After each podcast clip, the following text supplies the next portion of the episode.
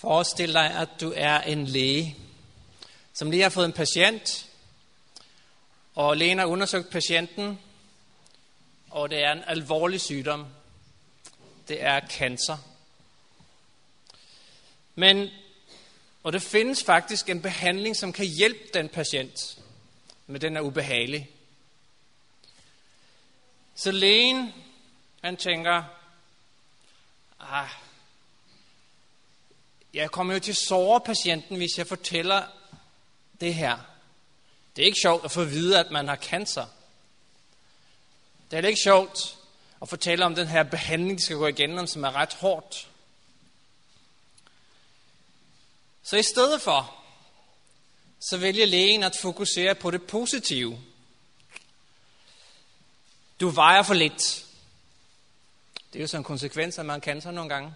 Men lægen siger, jamen du vejer for lidt. Du skal til at spise noget mere, noget mere fedt, så du får mere fedt på kroppen. Rent faktisk, du kan spise øh, fedtholdig mad. Sådan mad, som man kan nyde livet af. Ja, rent faktisk, tag hjem og nyde livet og spise og drikke og være glad. Så du får fedt på kroppen, og du kan gå op i vægt. Det er ikke godt at være for undervægtig. Dejlig budskab. Nyd livet. Tak, læge. Det var dejligt. Og så går patienten glad derfra. Hvordan ville du have det, hvis du var den patient, og fik det budskab fra den læge? I dag skal vi kigge på noget, som er mindst lige så alvorligt, men som vi kan finde i Guds ord. Og øh, jeg har brug for, at vi beder Gud om at være til stede nu. Det er et alvorligt budskab, men det er et budskab, vi er nødt til at høre, og som også har nogle rigtig positive ting. Lad os bede. Kære far i himlen, tak fordi, at vi kan være til stede her. Jeg beder dig lige nu om, at du på en helt speciel måde må være med mig. At din helligånd må vejlede mig i det, jeg skal sige. At det må være dine ord, der kommer ud. Og jeg beder dig om, at dem, der lytter, dem, der er til stede, at de må være åbne for din helligånds påvirkning. Så vi kan forstå, hvad du har for et budskab til os i dag. Det beder jeg dig om i Jesu navn. Amen. Vi skal bruge Bibelen, og øh, I må gerne slå op til den tekst, I hørte Michael læse fra 2. Peters brev, det andet kapitel. Så vi vil prøve at kigge på den tekst, og prøve at finde ud af, hvad betyder det for os her i dag. 2. Peter, det andet kapitel, og fra vers 1. Og jeg læser igen. Der var, der var dog også falske profeter i folket, ligesom der også blandt jer vil komme falske lærere, så vil indsmule ødelæggende vranglærdomme og til med fornægte den herre, som købte dem. De nedkalder en bræt til intetgørelse over sig selv. Men mange vil følge dem i deres udsvævelser. Og sandhedens vej vil komme i vandry på grund af den. I deres griskhed vil de søge at udnytte jer ved hjælp af opdigtede historier, men dommen over dem er fældet for længe siden, og deres fortabelse slumrer ikke. Hvorfor vælger vi at tage sådan en tekst op her i dag, på sådan en skøn sommerdag? Jeg tror, det er vigtigt, fordi det gik op for mig, da jeg læste den tekst for nogle uger siden, og begyndte at undersøge nærmere, hvad det her betyder. Hvor mange steder i Bibelen Gud advarer imod falske profeter. Og hvis Gud gør det, så har han et formål med det. Det er vigtigt at tænke på, at Gud sendte ikke sin søn til verden for at dømme verden, men for at frelse verden. Han er ikke kommet her for at prøve at finde ud af, hvornår folk fejler, og siger, åh, oh, væk med dig. Han kom for frelse. Så det må vi hele tiden have med. Og når han kom for frelse, så kom han også for advar om, at det er en anden spiller på banen, djævlen, som har det helt modsatte, den modsatte hensigt. Han prøver på at få os til at gå fortabt. Og Gud tillader satans arbejde. Og han vil, at vi skal vælge ham i stedet for djævlen. Og derfor sender han advarsler. Så jeg begyndte at studere det her, og det er det, vi skal prøve at kigge lidt på sammen. Der er rigtig mange bibeltekster, og vi har ikke tid til at kigge på den alle sammen. Men vi må lade Guds ord tale. Så når der står, der var også falske profeter i folket. Det jeg tænker, når man hører falske profeter, det er, at jamen, så må det også findes ægte profeter. Ellers er der ikke nogen grund til at advare mod falske profeter, hvis det ikke også er ægte profeter. Og det får vi faktisk at vide bare lige versen inden i slutningen af det første kapitel. Så lad os tage det med os, der det står fra vers 19. Så meget mere fast står profeternes tale for os, og den gør I ret i at være opmærksomme på, som på en lampe, der skinner på et mørkt sted, indtil dagen bryder frem, og morgenstjernen stiger op i jeres hjerter. Så vi får at vide det, at profeternes tale, det skal vi være opmærksom på. For resultatet vil være, at morgenstjernen stiger op i vores hjerter. Og ved I, hvad morgenstjernen er symbol på? Det er symbol på Jesus selv. Det kan vi finde i åbenbaringspunktet det sidste kapitel. Men ved at beskæftige os med de sande profeter, så vil det resultere, resultere i, at Jesus vil blive levende for os. At den ikke er bare en fjern, teoretisk, et eller andet, vi læser i en bog, men at han stiger op i vores hjerter, at han bliver levende og ægte. Så derfor er det utrolig vigtigt at bruge tid med de sande profeter. Men her bliver vi advaret mod de falske profeter. Og lad os gå til en anden tekst, som også siger noget om falske, noget der er falsk. Det er i 2. Korintherbrev 11.13. Og for mange af jer, så er det nogle meget kendte tekster, det her. Men lad os prøve at kigge på det i den her sammenhæng. 2. Korinther 11 og vers 13. 2. Korinther kapitel 11 og vers 13. Og der står der, de er falske apostle, troløse arbejdere, der giver sig ud for at være kristi apostle. Så falske apostle, det er altså ikke, det er altså ikke ateister, som overhovedet ikke tror på Gud, som kommer for at nedbryde troen på Gud. Dem findes der også. Jeg tror, det var en kampagne i Aarhus for ikke så mange uger siden på busserne, da man prøvede at få folk væk fra folkekirken. Fordi kan det betale sig at tro på en Gud? Øh, det er ikke dem, som Paulus, eller som Peter, undskyld, som han advarer imod. Det er falske apostle, som giver sig ud for at være kristi apostle. Så det er altså nogen, som findes i menigheden. Og det næste vers forklarer også hvorfor. For det står, og det er jo intet under. Satan selv giver sig jo ud for at være lysets engel. Det er den måde, Satan arbejder på. Og det er utrolig vigtigt for os at få at vide, at det er den måde, Satan arbejder på. For det første, Satan er virkelig. Og det er ikke alle steder i kristne kirker, man får det at vide. Men Satan eksisterer, og han er virkelig. Og han arbejder ikke som mange karikaturer, eller øh, man prøver at karikere ham, som, du ved, horn i panden og så videre. Han er som en lysets engel.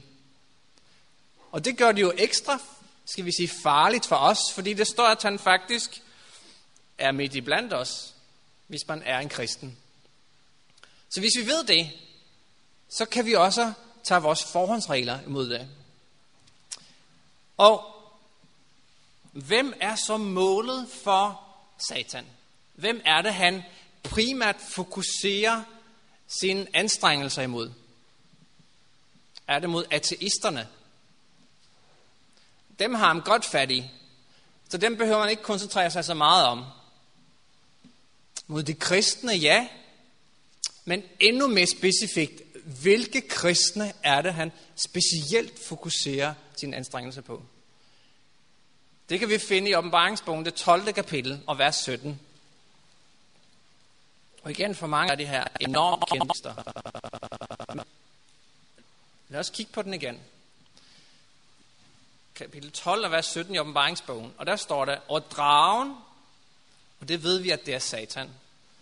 Og dragen rasede mod kvinden, og gik hen for at føre krig mod hendes øvrige børn, som holder fast ved Guds bud og ved Jesu vidnesbyrd. Så dem, Satan specifikt sætter sit angreb ind på, det er kvinden, som i Bibelen er symbol på Guds menighed. Og endnu mere specifikt, den del af Guds menighed, som har to kendetegn. Og det er, at de holder fast ved Guds bud og ved Jesu vidnesbyrd. Mange kristne siger i dag, at Guds bud er navlet til korset. Okay, ja, øh, man skal selvfølgelig ikke slå ihjel, og man skal heller ikke bryde ægteskabet, man skal heller, øh, heller ikke have andre guder end Gud, men, men sabbaten, den gælder ikke længere. Altså er Guds bud navlet til korset. Så kendetegnet på de sande kristne, som Satan sætter sit angreb ind på, at de faktisk også anerkender det fjerde bud, sabbaten, som måske ændrer det vigtigste. At det er der, vi tilkendegiver, hvem vi har som herre i vores liv. At han har sagt, husk sabbaten og hold den hellig. Jamen så gør vi det. Jeg tager nemlighed for, at Gud han er skaber.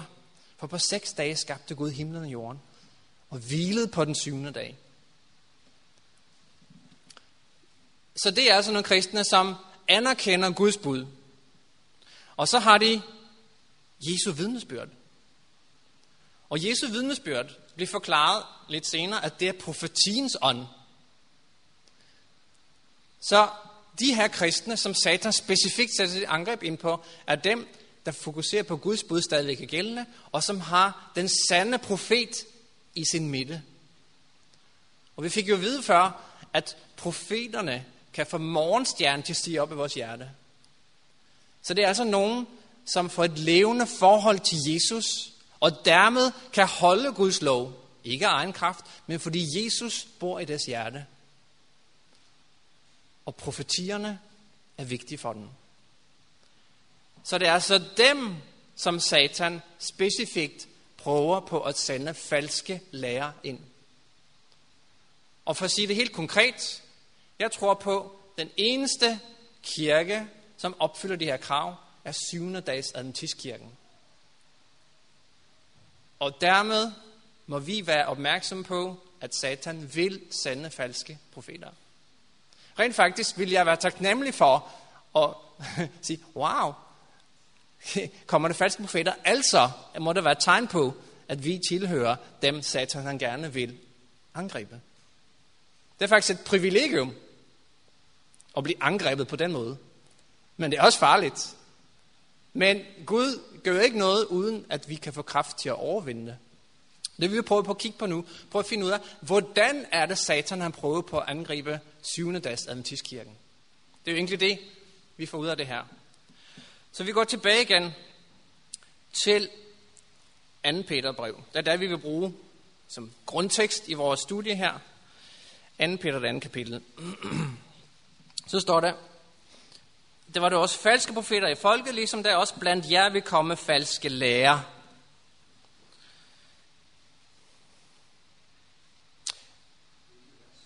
Det er stadigvæk det første vers i det andet kapitel.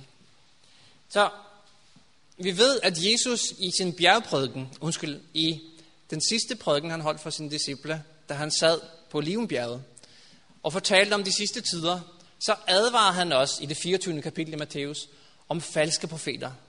Og de til og med ville være så uspekulære, at og om muligt før selv de udvalgte vil.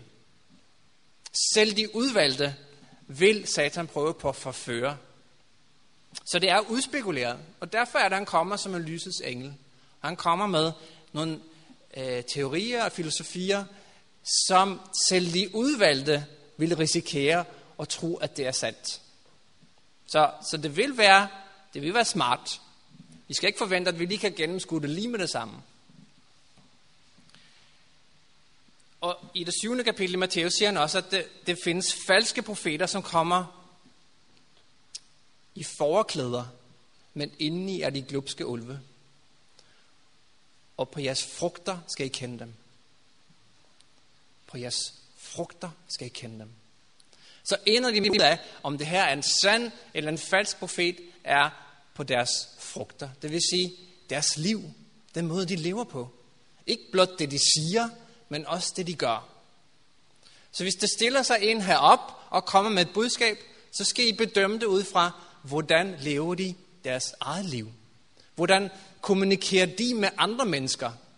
Det kan godt være, at det budskab, der bliver sagt heroppe fra, er rigtigt. Det kan vi se bagefter også. Det risikerer vi, at det faktisk ikke er os. Men det kan godt være, det er rigtigt. Men hvis de lever sit liv som en ud i verden, så har de ikke de frugter, som de gerne skulle have, hvis Jesus bor i deres hjerte. Hvis ånden er i deres hjerte, så vil åndens frugt også vises i deres liv.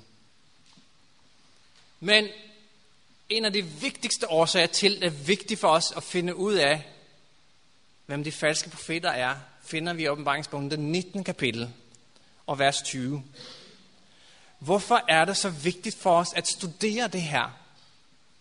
Hvorfor tager jeg det her op en sabbats formiddag, når solen skinner, og vi snart skal ud på stranden måske? Kunne man godt tænke sig. Og det står i vers 20 i den 19. kapitel i åbenbaringsbogen.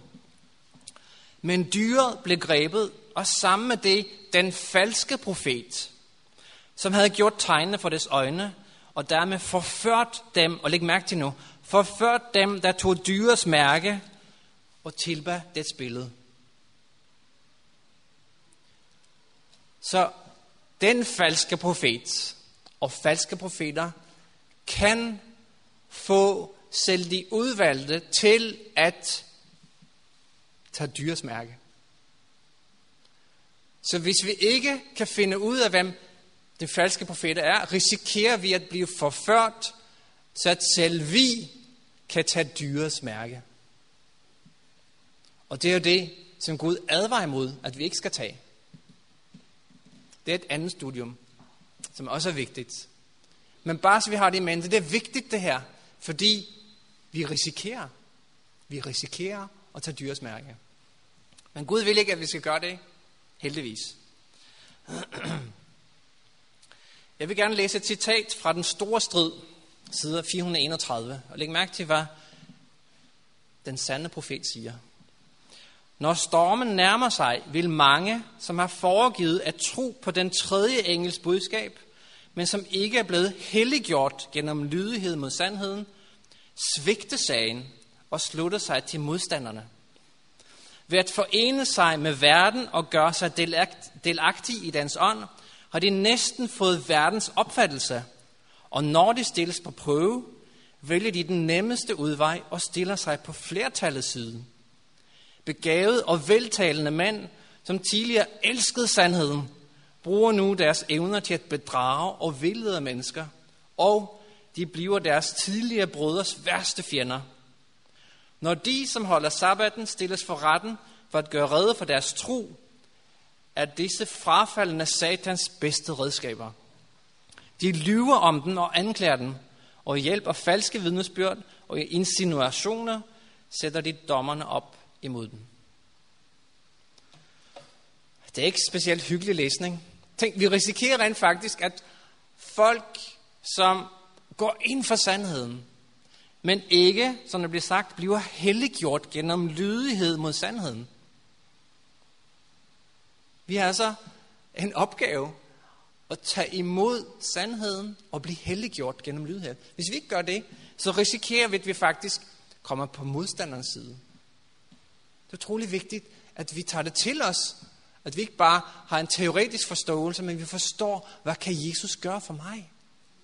Og det kommer vi til lige om lidt, for at finde ud af de her vranglærdomme, som kommer ind, som Peter advarer imod. Så lad os gå til Apostlenes Gerning i 2030. Der er der også en beskrivelse af, at det vil være nogle falske lærer. Og lad os høre, hvad, hvad Peter faktisk siger der. And, uh, øh, undskyld, Apostlenes Gerning, kapitel 20 og vers 30.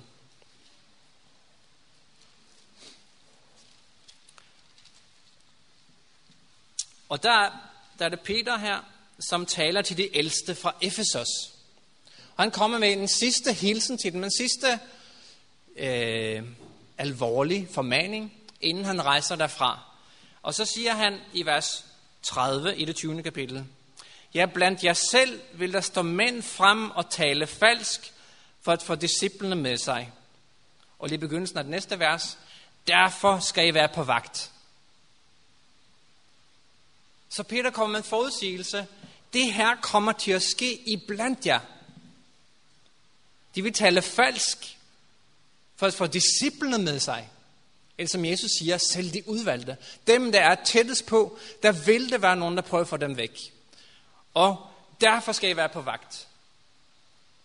Jeg prøvede sådan at gå ind på en dansk ordbog, jeg kan ikke huske, hvad den hedder, men sådan være på vagt. Det er et udtryk, som, som man også bruger i det danske sprog generelt. Og det jeg fik op, det kan måske være meget interessant. Hvad vil det sige at være på vagt? Fordi derfor skal vi være på vagt. Derfor skal vi være på vagt. Det står her. Det betyder at være mistænksom, agtpågivende eller meget opmærksom for at kunne tage sine forholdsregler i tide. At passe på. Det er en definition på at være på vagt. En anden er en person, der holder opsyn, bevogter eller våger. Og en tredje kunne være, at arbejde, øh, et arbejde eller opgave, det består i at holde opsyn, øh, undskyld, det, for at beskytte mod fare. Det er at stå til rådighed, holde opsyn eller gøre tjeneste, for eksempel på et hospital, på et skib eller i politiet, i en bestemt periode af døgnet, typisk for at kunne yde assistance eller slå alarm i akutte tilfælde. Så når Peter han siger, han forudsiger, blandt jer selv vil der komme nogen, der vil tale falsk, derfor skal I være på vagt. I skal være alerte, I skal være fokuseret. Og blot en lille parentes. Det er vores opgave at være på vagt.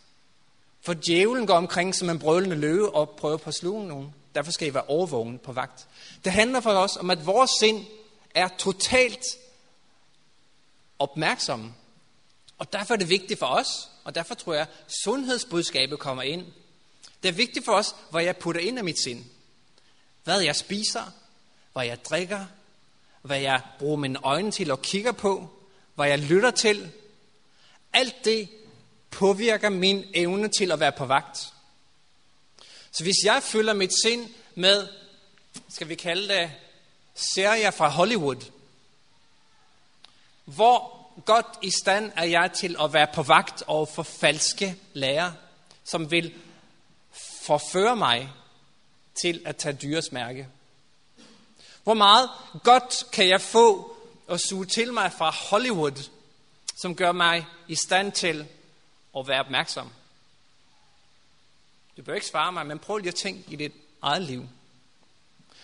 Og den musik, du lytter til, hvor godt i stand vil du være til med de rytmer, man spiller i den moderne musik i dag? Hvor meget gør det dig i stand til at være klar? Til at være opmærksom?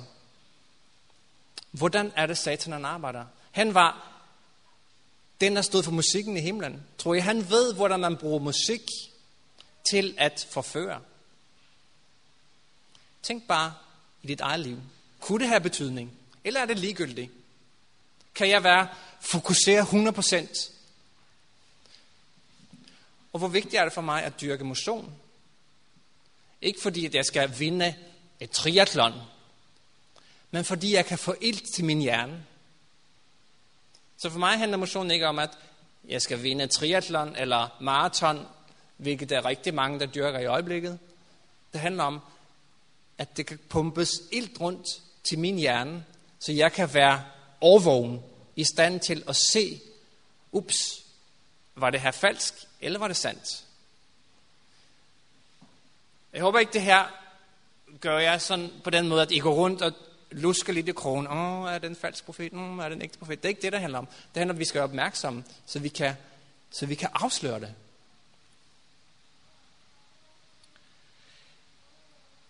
Okay, i 2. Peters brev, så stod en af kendetegnene var, at det ville indsmule ødelæggende vranglærdom.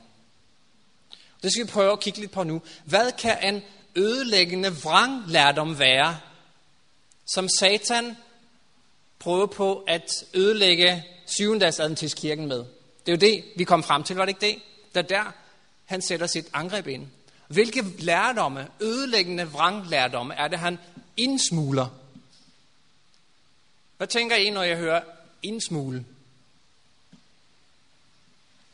Tænker måske på nogen, der kommer fra Sydamerika og har fået et eller andet gemt ned i sin mave, fra Colombia for eksempel, og som så skal ind i landet, så man ikke opdager det. Det er ikke noget, der foregår åbenlyst. Det er noget, der kommer stille og roligt ind. Vi ved, at i Danmark så kommer der drugs ind, men det er ingen, der rigtig sådan kan se, hvor de kommer fra. Men stille og roligt så igennem tiden, så er det kommet rigtig meget narkotika ind i Danmark, måske fra Colombia, fordi nogen har indsmuglet det igennem tiden. Som regel er det ikke de store, øh, kæmpe container, der kommer. Det kommer lidt her og lidt der, lidt her og lidt der. Men det findes i Danmark. Kan I se den måde, Satan arbejder på? Det kommer lidt her og lidt der. Og gennem årene, stille og roligt, måske, så man ikke længere er opmærksom på det. Så han indsmuler ødelæggende vranglærdom. Og hvis vi går til Galaterbrevet, det første kapitel, og vers 6 og 7, så kan vi få en idé om, hvad det her kan gå ud på. Galaterbrevet kapitel 1 og vers 6 og 7. Fordi vi får at vide, at evangeliet er det, vi skal forkynde. Evangeliet. Det siger Jesus også til sine disciple, at de skal gå ud og forkynde evangeliet til hele verden. Men hvad, hvad er det, Paulus så siger her i det 6. vers og 7. vers? Jeg undrer mig over, at I så hastigt lader jer vende bort fra ham, som kaldte jer ved Kristi nåde, til et andet evangelium, som slet ikke er et evangelium. Det er bare nogle, som forvirrer jer og søger at forvrænge Kristi evangelium. Kan I se, bare fordi man siger evangelium, så er det ikke nødvendigvis sandheden. For det findes også et andet evangelium. Det findes noget, som ikke er Kristi evangelium. Så bare man siger halleluja Jesus, så er det ikke sikkert, at det er sandheden. Og vi vender tilbage til lige om lidt, hvad Kristi evangelium så kan være. Hvad Jesus egentlig står for. For det må jo være det, som er det sande evangelium. Og i Romerbrevet, det 16. kapitel, får vi endnu lidt mere, skal vi kalde det kød på. Romerbrødet 16 og vers 17 og 18. Hvad er det for nogle ødelæggende vranglærdomme, som Satan prøver på at indsmule i den kristne kirke, eller specifikt i 7. kirken?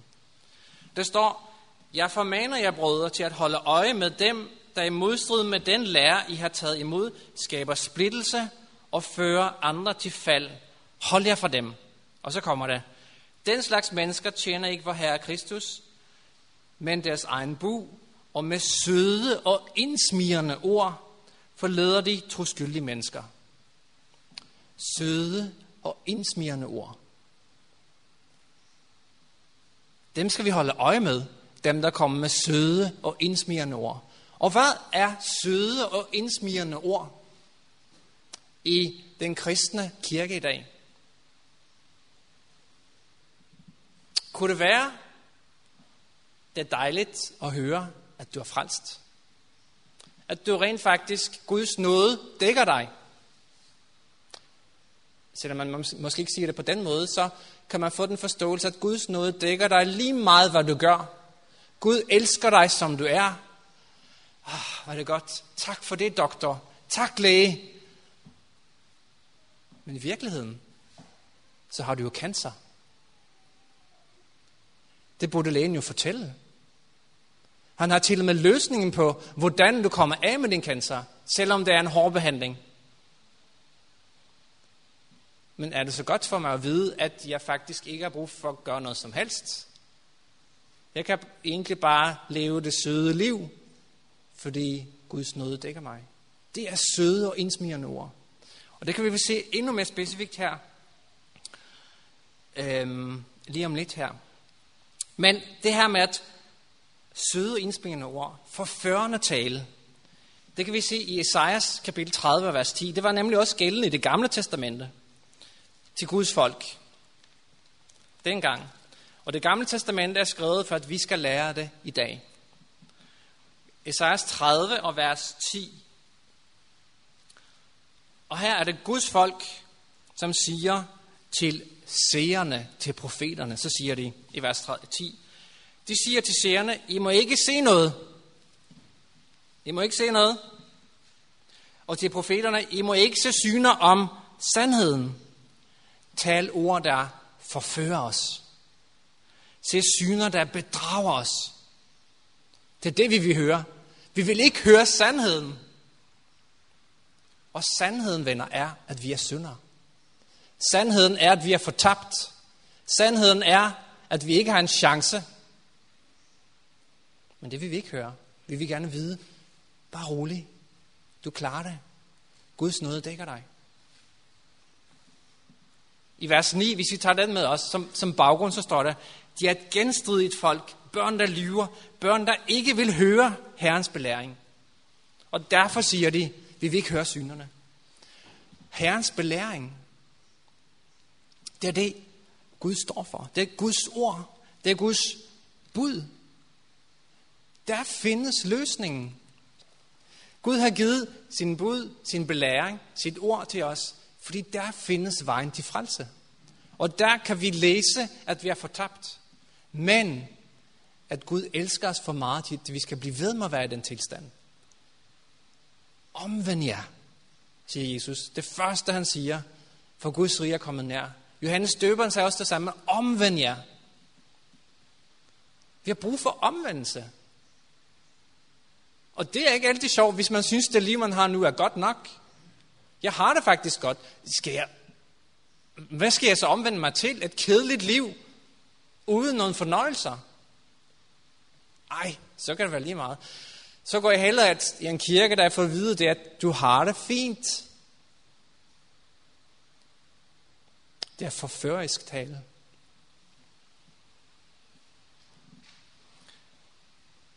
Og i Amias kan vi læse, at profeterne siger, fred, fred, skønt der ikke er fred.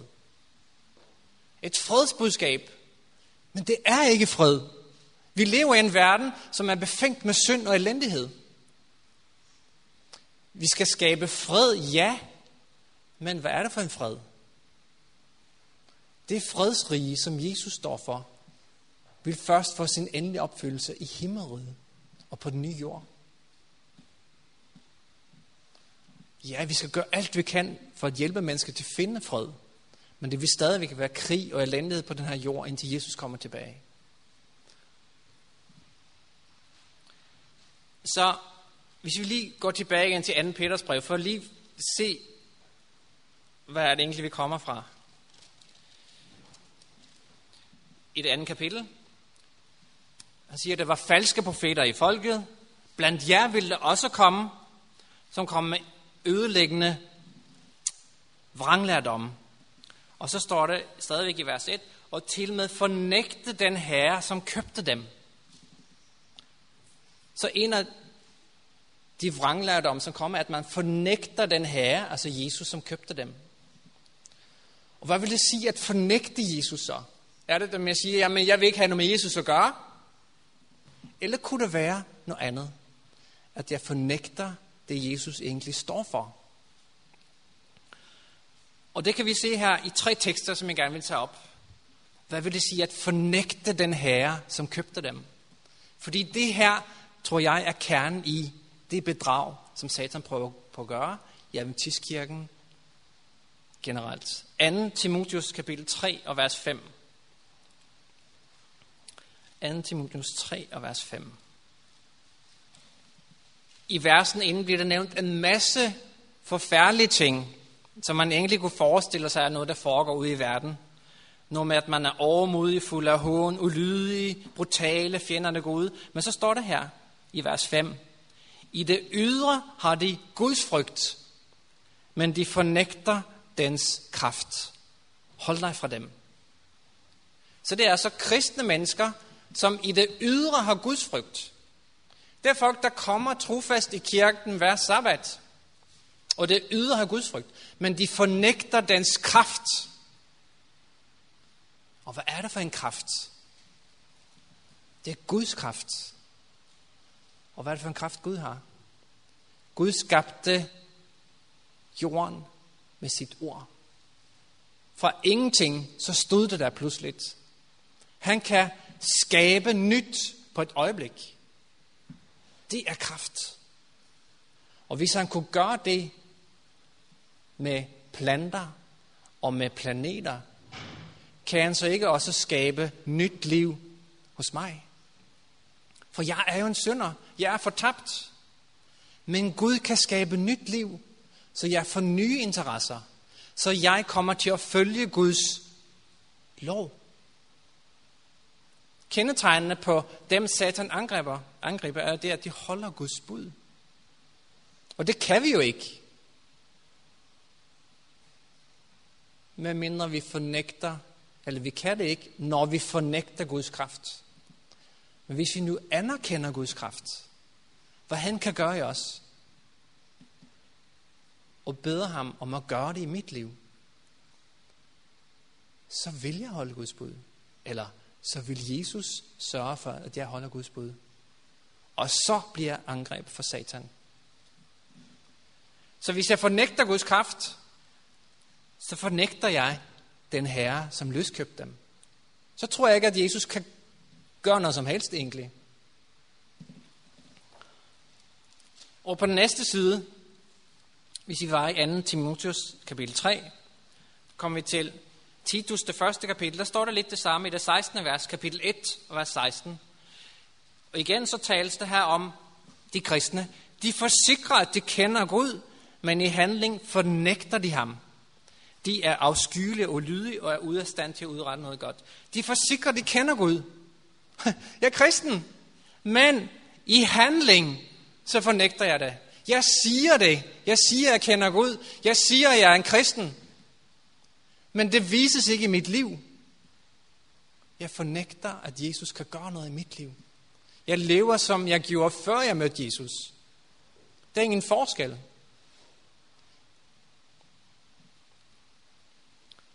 Og Judas, vers 4, så bliver det endnu mere tydeligt, hvad det vil sige at fornægte den herre, som købte dig og som er en af de vranglærdomme, som kommer ind i Adventistkirken. Der står i vers 4, for der har snedet sig nogle mennesker ind, som der allerede for længe siden var skrevet om, at de skulle rammes af denne dom. Og læg mærke til nu, hvad der står om de her mennesker, som er snedet sig ind. De er jo gudelige. De misbruger hvor Gud. De misbruger hvor Guds nåde til tøjlesløshed og fornægter vor eneste hersker og herre Jesus Kristus. Misbruger Guds nåde til tøjlesløshed. Og dermed fornægter jeg Jesus. Guds nåde er så stor, at jeg rent faktisk kan opføre mig til tøjlesløshed. Hvad betyder det? Det betyder, at jeg, jeg, jeg kan jo gøre, hvad jeg vil. Guds nåde er jo så stor. Men det er misbrug af Guds nåde. For Guds nåde er, at Gud ikke smider dig væk, når du falder.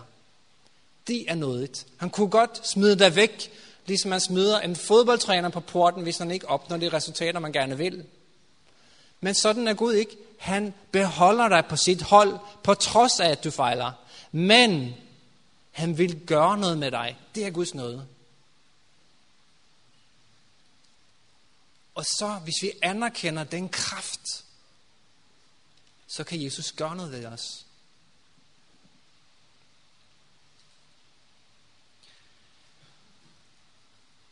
Tilbage igen til 2. Peter her. Så står der, er det her noget, som er noget, der gælder mange eller få mennesker. Det står i vers 2 i 2. Peter kapitel 2. Men mange vil følge dem i deres udsvævelser. Hvad vil det sige, at mange følger en? Hvor mange følgere har du på Twitter? Eller på Facebook? Der er mange, der følger dig. Det står her, at det her, som Satan specifikt angriber Guds kirke, som jeg tror er den syvende kirken, som han har indsnedet, indsmuglet, for det er den måde, Satan arbejder på. Der vil være mange, der følger det. Det vil være populært. Det vil være det, som er det mest anerkendte inden for kirken måske. Men betyder det, at mange følger det nødvendigvis, at det er korrekt? Hele jorden fulgte dyret med undren, kommer jeg i tanke om nu. Det er det samme. Det er forkert. Det er djævlen, der står bag, står bag dyret. Men hele jorden følger efter alligevel. Ikke nødvendigvis, fordi det er rigtigt. Fordi de ikke kender sandheden. Og derfor er det, at Gud han advarer sit folk mod falsk lærdom, for at vi kan advare andre igen, så de ikke følger undren efter dyret. Men hvis vi i vores midte ikke har fokus på det, så vil vi aldrig nogensinde komme ud og advare mod dyret. Fordi vi har problemer nok i vores egen menighed. Og så er det sådan, at sandheden kommer i vandry. Sandhedens vej vil komme i vandry på grund af dem. Desværre er det sådan, at hvis vi, som er Guds folk, det, det er et stort ansvar, men det er også et privilegium. Det er fantastisk, at vi kan få lov til at være Guds folk. Men hvis vi ikke følger det, som Gud vil, så kommer sandheden i vandry. Og så har det modsatrettet effekt. Så vil folk ikke følge os. Så hvad er løsningen på det her så? Hvordan kan vi forvente det her til, at det bliver positivt? At vi kan tage imod Jesus? Og der tror jeg, det er vigtigt at lægge mærke til, hvor det står i Matthæus 11, 28. Og igen så er det kendte vers. Da Jesus der siger, kom til mig, alle I som slider jer trætte og bærer tunge byrder, og jeg vil give jer hvile. Han vil, at vi skal komme til ham. For der er det eneste sted, som vi kan finde hvile. Der behøver vi ikke bekymre os, hvis vi kommer til ham, rent bogstaveligt, at vi bruger tid hver dag, at jeg bruger tid hver dag med at kommunikere med Jesus. Måske endda i min kalender sætter tid af til, at jeg skal bruge tid med Jesus. Kom til ham. Bede til ham. Og bruge tid i hans ord. Og der vil jeg, i hans ord, når jeg studerer det, så vil jeg komme over sådan nogle tekster, som jeg kigger på i dag. Og dem er vi nødt til at tage alvorligt. Men han gør det ikke for at skræmme os. Han gør det ikke for, at vi skal være surmulende og hænge med næbet. Og tænke, nej, var det farligt, vi skal, være, vi skal være suspekte mod alle mennesker. Det er ikke det, det handler om. Vi skal bare vide, det er der. Og hvis vi bruger tid i Guds ord, og beder ham om at hjælpe os, så vil vi kunne afsløre det. Så vil vi måske kunne gå hen til sådan en person, som befinder sig i vores menighed, på to mands hånd, og sige, hey, som jeg læser det her i Guds ord, så er det, du siger der, så er det ikke rigtigt. Så er det vigtigt, at vi går til den person på to mands hånd, og ikke fortæller det til vores venner. Har I hørt, hvad han har sagt? Eller hvad hun har sagt? Det er godt nok langt ude. Den kirke skal jeg ikke være en del af. De er godt nok langt ude. De har falske læresætninger. Der vil være falske læresætninger i Guds menighed. Det er beviset på, at det er Guds menighed. Det er beviset på, at Satan prøver på at ødelægge det. Men vores opgave er at selv finde ud af, hvad sandheden er. Hvem sandheden er? Det er Jesus Kristus. Og komme til Jesus. Vi kan ikke klare vores byrder selv. Vi kan ikke klare vores frelse selv. Det er Jesus, der gør det. Han vil give jer hvile, han vil give jer fred, står der også et andet sted. Og så har vi en opgave, når vi har fundet ud af, at det er falskhed. At fortælle om det til den person. Og hvis den person ikke vil, så går vi to. Hvis personen stadigvæk ikke vil, så må vi overlade til Gud. Men Gud har kontrol. Gud har lovet at komme tilbage med Jesus, hans søn. Vi kommer tilbage og henter os hjem til sig. Og der vil der være et folk, som inden han kommer tilbage, har forkyndt det her til hele verden. De tre engle budskaber. Så verden er fuldstændig klar over, hvem dyret er, og hvem Gud er. De er ikke i tvivl. Hvis det er i tvivl, så vil Gud ikke være retfærdig. Og det er os. Det er os, der har den opgave. Vi har fået de tre engles budskab givet direkte til os. Og vores profet, eller ikke vores profet, Guds profet, har udspecificeret det. Og rigtig tydeligt i bogen, Den Store Strid, som mange har læst. Der står det tydeligt, hvad vi skal. Vi skal afsløre. Fordi Satan bliver ikke afsløret på andre måder. Og folk risikerer, at de følger ham, når de tror, at de følger Jesus. Vi har fået den indsigt. Og det er vores opgave. Og Jesus vil hjælpe os. Han vil give os den kraft, som han har. Den skaberkraft. Så vi kan gå ud i al verden med det sande evangelium.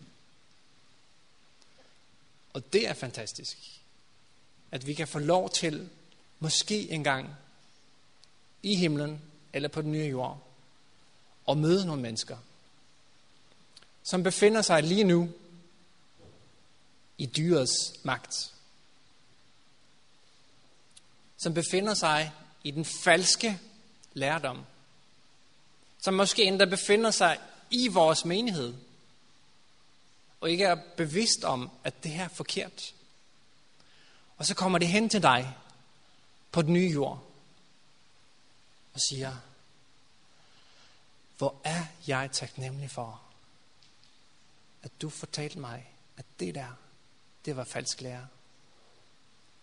Tak, fordi du viste kærlighed mod mig ved at fortælle mig sandheden. Hvor må det være fantastisk, hvis vi kan få lov til at være med til at lede mennesker til Gud, ved at vise dem til den sande Jesus i forhold til den falske. Og det er mit håb, at jeg kan være med til det. At jer, der er til stede her, også kan gøre det til jeres venner og bekendte inden for kirken, uden for kirken. For to mands hånd til at starte med. Men allerførst på egen hånd i Guds ord. Så hvis det, jeg har formidlet her i dag, virker meget fjernt for dig, virker meget, skal vi kalde det, dømmende, så min opfordring, tag nogle af de tekster her. Jeg vil gerne give dig min prædike referat bagefter, så du kan se teksterne selv. Læs dem selv derhjemme. Jeg vil sige, at der er mere end dobbelt så mange tekster, jeg overhovedet ikke har taget op endnu, som alle handler om falske profeter. Det er, Gud prøver at fortælle os noget. Og så er det bare at sige, tak Gud, fordi du fortæller os det. Hjælp mig til, at jeg ikke må være blandt dem. Og kan I love mig, at hvis noget af det, jeg siger, hvis I med bibelhånden kan sige, det der, det er falsk lærer, at de kommer og fortæller det til mig, og ikke siger det om mig, men fortæller det til mig. Så vi kan have den tillid til hinanden, fordi vi elsker hinanden, at vi kan komme og sige det, som det er. Så er jeg sikker på, at Jesus vil komme snart. At budskabet vil sprede sig som en løbeild. Og der vil jeg være med. Vil du også? Skal vi bede? Kære far i himlen, det alvorlige ord, vi har læst i dag. Men du har inspireret dine profeter, dine lærere, til at tegne det ned, så at vi kan læse det her i dag. Og du gør det ikke for at dømme os, du kommer for at frelse os. Du gør det for, at vi skal være opmærksomme og blive overbevist om, hvad sandheden er, så vi kan lede andre til at kunne se, hvad der er falsk. Fordi du tillader, at satan arbejder. Du tillader, at folk kan tage sine egne beslutninger om at følge dig. Derfor beder jeg dig om, at du må hjælpe os hver en. At du må tilgive os for de ting, der vi kommer til kort. For det gør vi. Men du har lovet, at du vil hjælpe os med, at vi ikke kommer til kort igen. Du vil bo i os. Og det beder jeg om, det må blive virkelighed i mit liv. Tilgiv mig for de ting, som jeg har sagt, hvis der var noget forkert. Jeg beder dig om, at den her menighed i København, at vi må være et sted, der sandhedssøger kommer, og der vi kan vise dem til sandheden og afsløre falskheden. I dit navn og med din kærlighed. I Jesu navn. Amen.